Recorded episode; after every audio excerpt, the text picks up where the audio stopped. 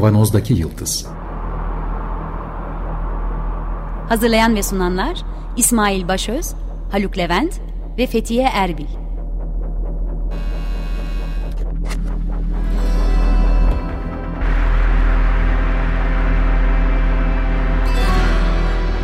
Bugünün penceresinden geleceğin ayak izleri.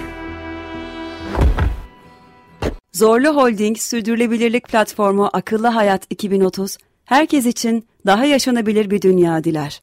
Merhabalar, Açık Radyo'dayız 95.0. Kavanoz'daki Yıldız programında sizlerle beraberiz yeniden. Bugünün penceresinden geleceğin ayak izlerini sürmeye devam ediyoruz.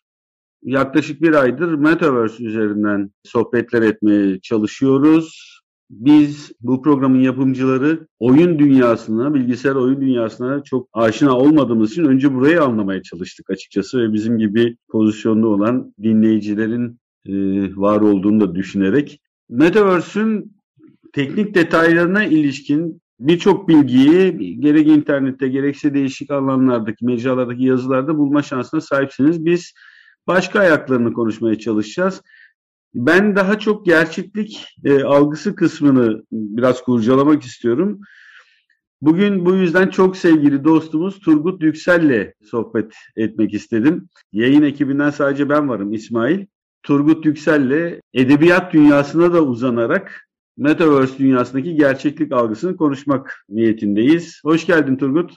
Hoş buldum, sağ olasın. Çok kısa bir tanıtayım. Kendisi çok fazla katılmasa da ben kendisini sanatçı olarak temelde tanıtmak istiyorum. Çizer, yazar ve hikaye yazımı eğitmenliği de var seviyesinde. Bir de bu dünyayla e, ilintili bilgisayar programcılığı yazımı var gençlik yıllarında profesyonel olarak. Bunu da belirteyim. Oyun dünyasından yola çıkarak video oyunları ve oradaki gerçeklik algısını e, edebiyatla birleştirerek sohbet etmek için buradayız. Sana bırakacağım.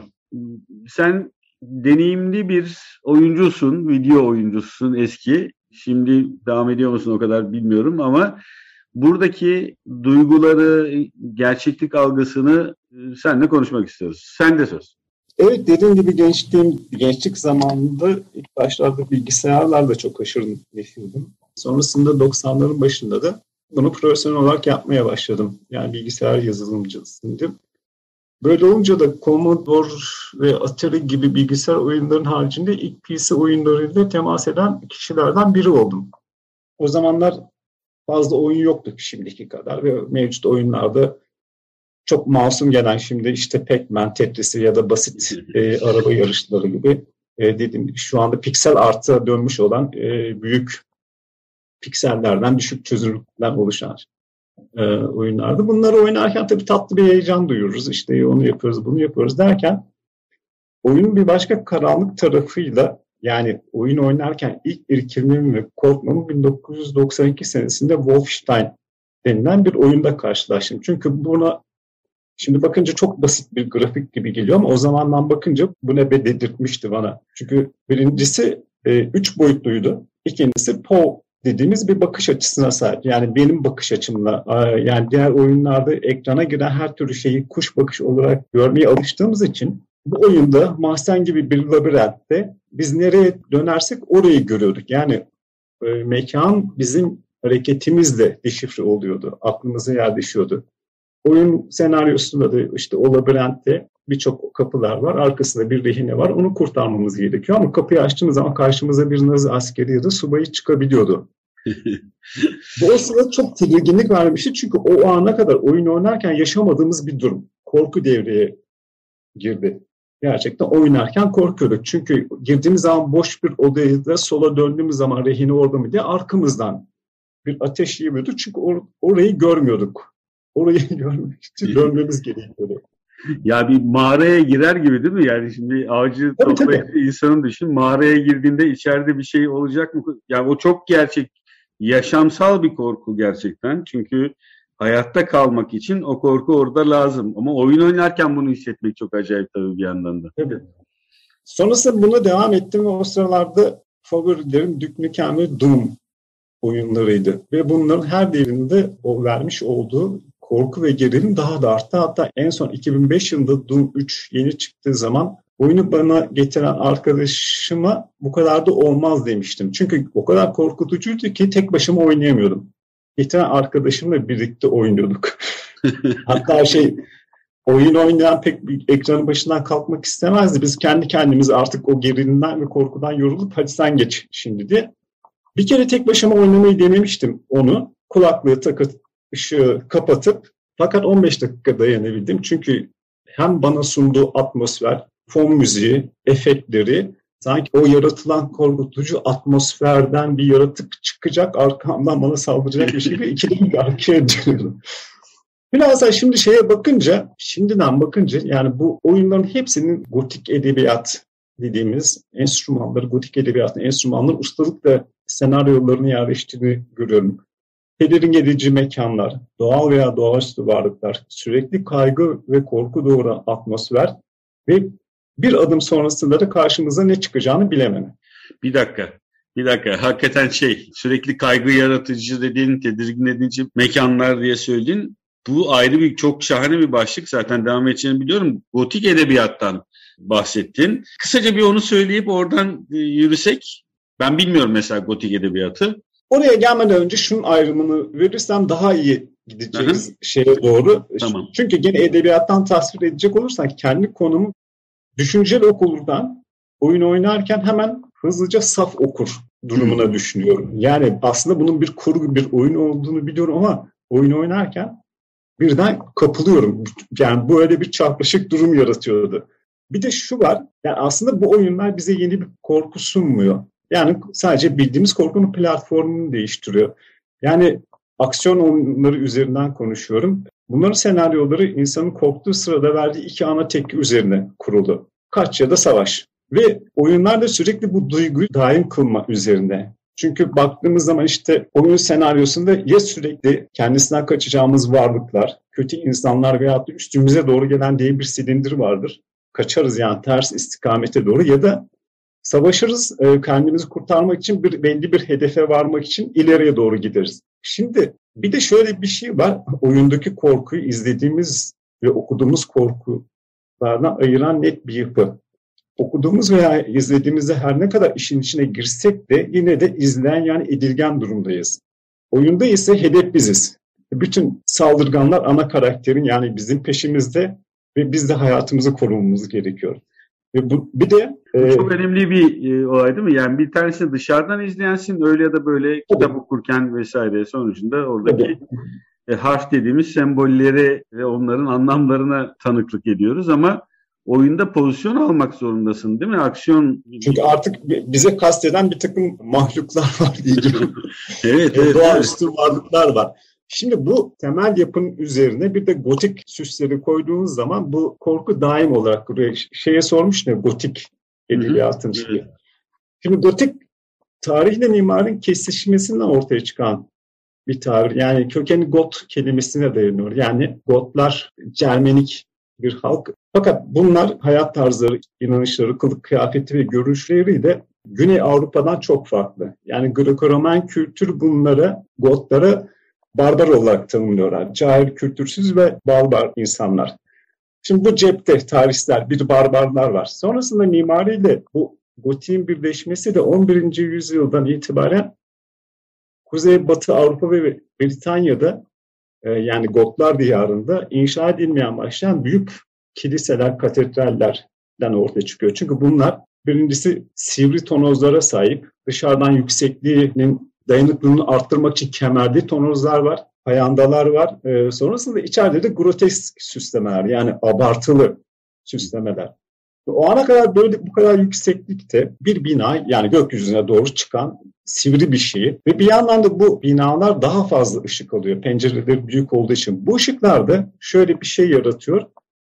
Ee, hani film noirlerin vazgeçilmez anlatım dili vardır ya sert ışıklar ve gölgeler. Bunlar mekan içinde ve dışında sert ışıklar yaratmaya ve gölgeler yaratmaya başlıyor. Zamanla yanılmıyorsam 8. Henry zamanında politik durumlarla birlikte artık bu kadar katedrallerin, manastırın bakımı yapılmıyor. Yani artık Roma'dan ayrılıyor kilise. Şimdi bunlar da haraplar, harap olmaya, bakımsız olmaya başlıyor. Şimdi böyle bir mekanın artık giderek eskimeye, terk edilmeye başladığını düşünelim. Bir de buna şeyi ekleyelim. Ruhban sınıfın kıyafetlerini cübbeli, siyah, koyu renkli insanların bu mekanda sessizce gölgeler arasında, mahzenler arasında yani galeri arasında dolaştığını ekledim. Evet, yeni bir korku mekanımız oldu. Buna da şeyi koyduğumuz zaman içerisinde o dönemde orta çağda egemen sınıfların zorlu ve ahlaksız tavırlarını koyduğumuz zaman içerisinde galiba 1764 yılında ilk gotik roman ortaya çıkıyor. Otranto Şatosu. Horace Walpole kalemi aldı. Şimdi şey o artık gotik gotlardan birleşip işte tedirgin edici mekanlar falan filan derken ortaya çıktı ve esas dayanık noktası da bunun ana karakteri ya da hikayeye göre çevresindeki karakteri sürekli endişeye sürükleyen bir atmosfer yaratması. Şatolar, katedraller, manastırlar çoğunlukla bu uğursuz hikayelerin mekanı oluyor. Bir de bu mekan coğrafyaya göre değişiyor. İngiltere'de çıkıyor ilk örneği. E, Almanlar içerik olarak daha da sertleştiriyor. Dehşeti daha da artırıyorlar. Amerika'da ise Avrupa'daki gibi şato yok, katedraller yok, manastırlar yok, dehlizler yok, mahzenler yok o şeylerle birlikte. Hı hı. Mekanı değiştiriyorlar. Mekan artık şey zindana dönüyor. Dehşet verici ormanları dönüyor. Hatta Herman Melville gotisizmi denizlere taşıyor. Bilinmeyen ve her an her şeyin olabileceğini ima eden okyanuslar artık Amerika'da gotiğin mekanı oluyor. Ve Poe, Edgar Allan Poe yeni bir mekan ekliyor. İnsan zihnini. Oo. Bu yani o ana kadar dışarıya bağlı olan korkunun okunu çevirip artık insan içine doğru çevirmeye başlıyor ve işte Gutiye ve karmaşık psikolojik durumları da ortaya çıkıyor. Ve ondan önce dışarıdan gelen korku nesnesi artık insan aklından ve düşüncelerinden ve hislerinden gelmeye başlıyor. Poe'nun yaptığı şey sinemada çok çok sonrasında yapılıyor. Shining filminde. Shining filmine kadar hep dışarıdayken orada içeriden çıkıyor korku. Şeye doğru dönüyor. Örneğin Sherlock Holmes hikayeleri şeydir ya işte büyülü, gizemli, korkutucu olan durumların aslında mantıklı ve bilimsel açıklaması olabileceğini izah eder ve bunu ispatlayan hikayelerle de koydu. Fakat onun şey Baskır ve Edler'in köpeği öyküsü vardır. Gotik ülkeye yakındır. Orada korku İngiltere'nin bozkırlarında doluşan büyük, sivri dişleri olan siyah köpektir. Ama artık korku bu köpeğin fiziksel varlığından çıkıp onunla karşılaşma ihtimaline döndü. Bu daha da tedirgin edici bir şey çünkü e, fiziksel karşılaşmada bir şey vardır, an vardır. Karşılaşasın sonucu iyi olur, kötü olur, kaçabilirsin ama diğer türlüsünde onunla karşılaşma ihtimali o korkunun hayatın her alanına sinmiş ve bitmek bilmeyen bir süreç almış haline dönüşmesi. Kaygı tanımına denk geliyor bir yandan değil mi bu? Evet.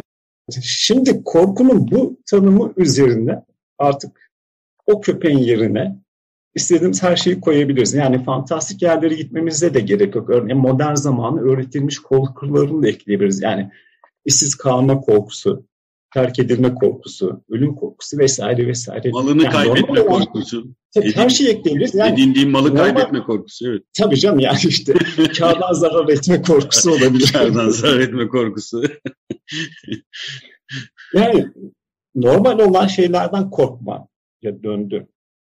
E, o yüzden de maruz kaldığımız çoğu korku gerçek bir köpek olarak değil de o köpeğin büyük, vahşi, kara hayaletin zihnimizde dolaşması olarak tanımlayabiliriz artık. Şimdi bir yandan da şöyle bir şey karşılaştım.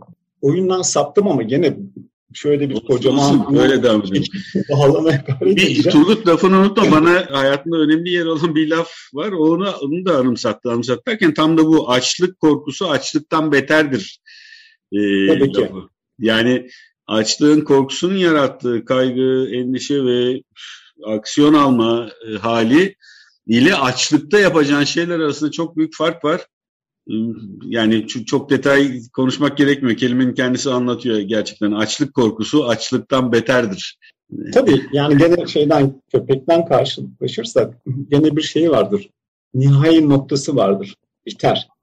Evet. Ama diğeri bitmeyecek olan bir şey. Ondan köpekten korkmak. Yani buradaki bahsettiği fiziksel köpek değil. Yani korkacak dediğim gibi onu her şeyi koyabiliriz.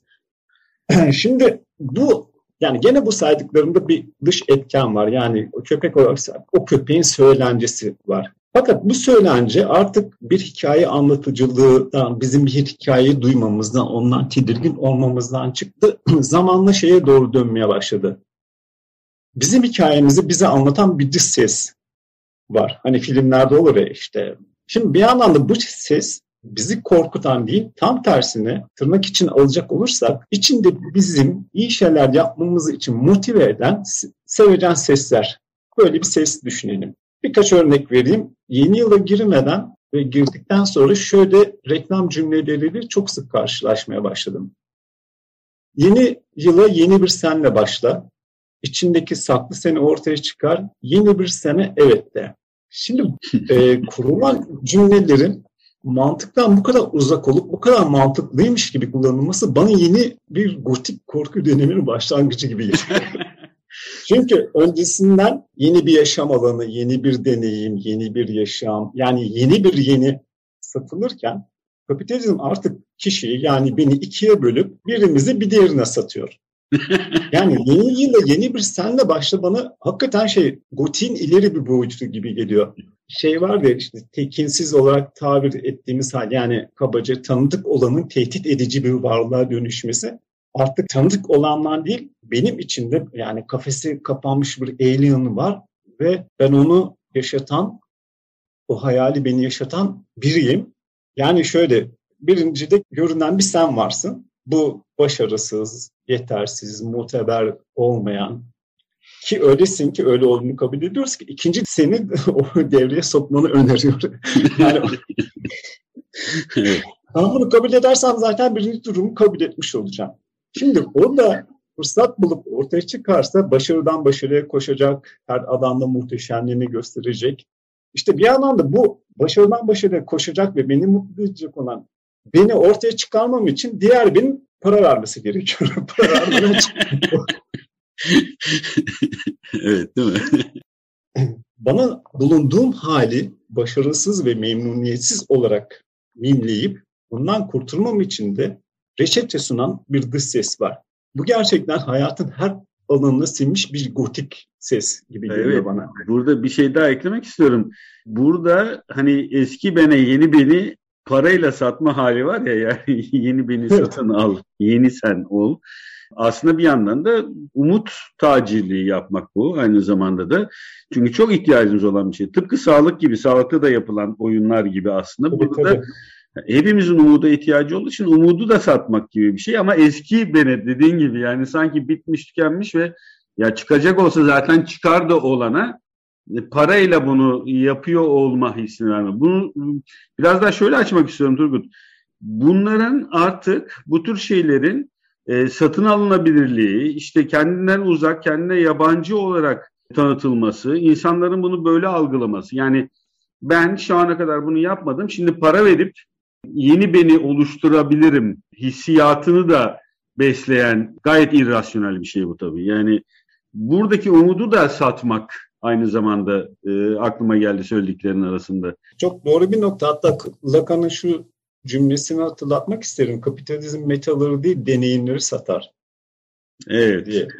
evet. Şimdi şeye baktığımız zaman içerisinde örneğin e, kanepe reklamında kanepenin sağlamlığı falan söylenmiyor. Böyle şey diyor, bunu alırsanız işte üzerinizde ailenizle sevgi dolu saatler geçireceksiniz ya da mutfak robotu alırsam mutlu olacağımı söylüyor.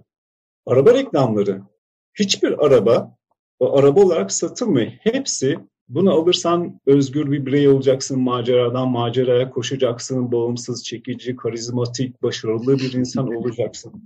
Gerçekten şey bir ara şeye takmıştım. Araba reklamların metinlerine bir sevgili bir sevgiliye mektup yazmış gibi gibi şeylerle ilgili. Hiçbir şeyde araba yok. Ama ben o arabayı aldığım zaman içerisinde yeni trafiğe gireceğim. Ya da hiç, hiç gitmekten hoşlanmadığım bir işe doğru gideceğim. Buradan şeye doğru gidiyoruz. Tabii ki öncelikle eksikliğin bir duygu ya da özlenen bir hayal ya da meta yaratılacak. Sonrasında bunu alırsan bu deneyimliği yaşayacaksın sen diyor. Evet çok mutlu bir ailenin e, herkese birbirine herkesin birbirine gülerek günaydın dediği bir sabahta e, kahvaltı masasına koyan, koyulan margarinin reklamı gibi. yani tabii canım, tabii. Herkes böyle yani çok... alırsanız işte bu bu dünya olacak. Bu dünyaya sahip olacaksınız. o margarini yediğiniz zaman o e, şahane bir mutfak arkada falan filan. Tabii bu arada margarini masaya koyan yine anne kadın. O, o da kenara koyalım. Fakat o huzurlu aileye sahip olacaksınız o margarinle der gibi değil mi? Yani çok yani buna baktığınız zaman içerisinde zaten kocaman bir şey paralel bir dünyada yaşıyoruz. Ha, değil mi?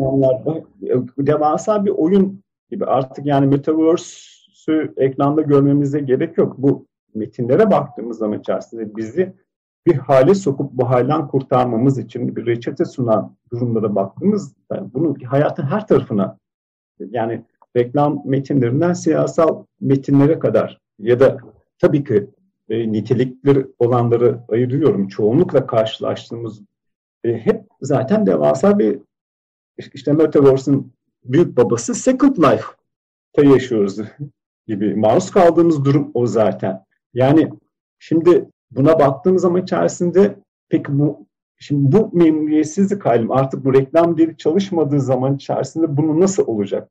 Neye dönüşecek? Büyük bir ihtimalle şu anda olan gibi Metaverse'de bana yeni bir ben yaratıp benden girip evet. onunla yaşamamı önerecek.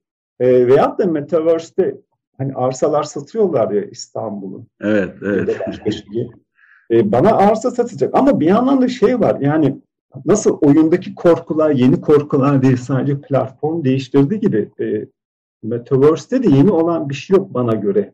Yani o kadar hakim değilim ama en azından şunu söyleyebilirim. Metaverse'de arsa satın alma o kadar yaratıcı değildi. Bunun en yaratıcılığını orta çağda kilise yaptı. Yani para karşılığını cennetten topu sattı. Endurjans belgesiyle.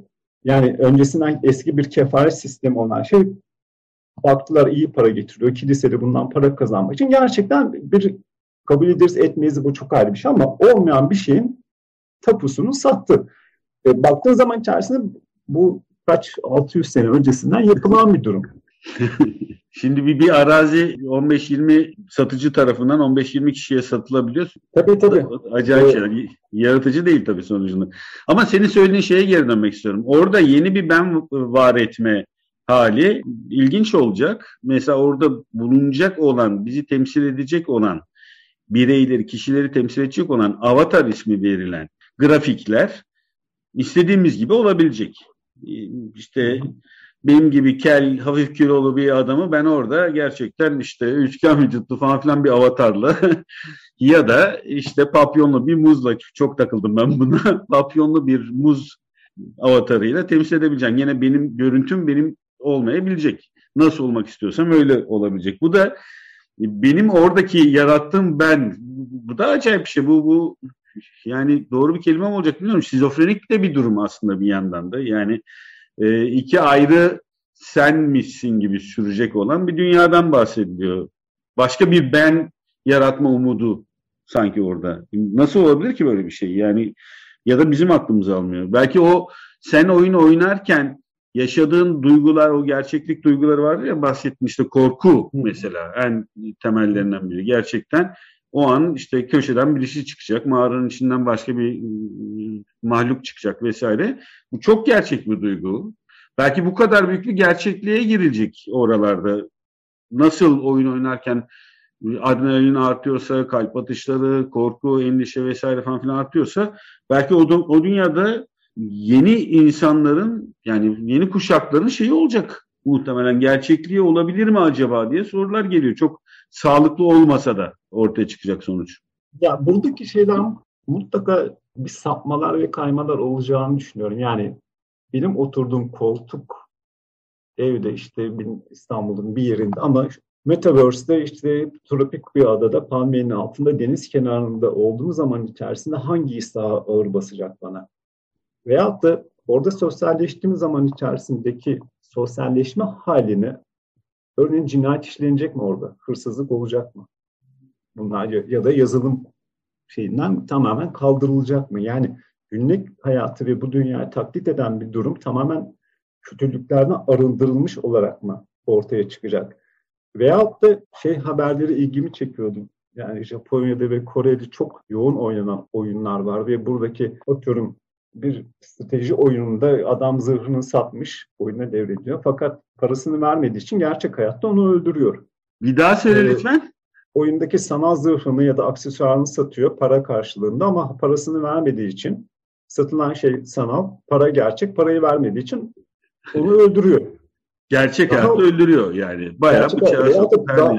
Daha Bohem'i galiba 5-6 sene öncesinden okuduğum bir haber. Kore'de bir karı koca Second Life oyununa o kadar oynuyorlar ki çocukları açlıktan ölüyor. ilgilenmedikleri için. Gibi. Şimdi bu sapmalar nasıl olacak? Yani tamamen Matrix'teki gibi mavi hapı yuttum, kırmızı hapı yuttum gibi o alemin içerisinde yaşamayacağımıza göre mutlaka bu sapmalar olacak. Bu çatışmalar olacak. Peki, ilginç bir Metaverse sohbeti. bir sanatçıyla, bir bilgisayar oyunu tecrübesi olan bir sanatçıyla bu sohbeti yapmak benim için de ilginç oldu. Turgut Yüksel bizimle beraberdi. Birçok izleyicimizin e, bileceği, tanıyacağı e, bir isim. Açık Radyo'nun da eski programcılarından aynı zamanda. Çok teşekkür ediyorum Turgut. Çok sağ ol. Ben teşekkür ederim. Umarım iyi olmuştur. Keyif aldık en azından. Bu programın size ulaşmasını sağlayan Açık Radyo'nun bütün çalışanı arkadaşlarımıza çok teşekkür ediyoruz. Ellerine, emeklerine sağlık. Bu programın destekçisine ve bütün Açık Radyo program destekçilerine yine çok teşekkür ediyoruz. Önümüzdeki hafta tekrar görüşmek üzere. Sağlıkla kalın.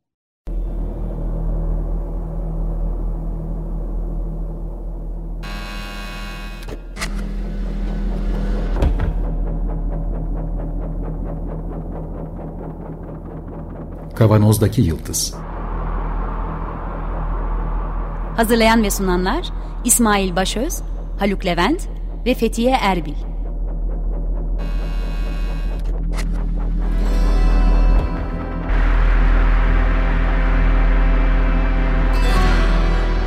Bugünün penceresinden geleceğin ayak izleri. Zorlu Holding Sürdürülebilirlik Platformu Akıllı Hayat 2030 sundu.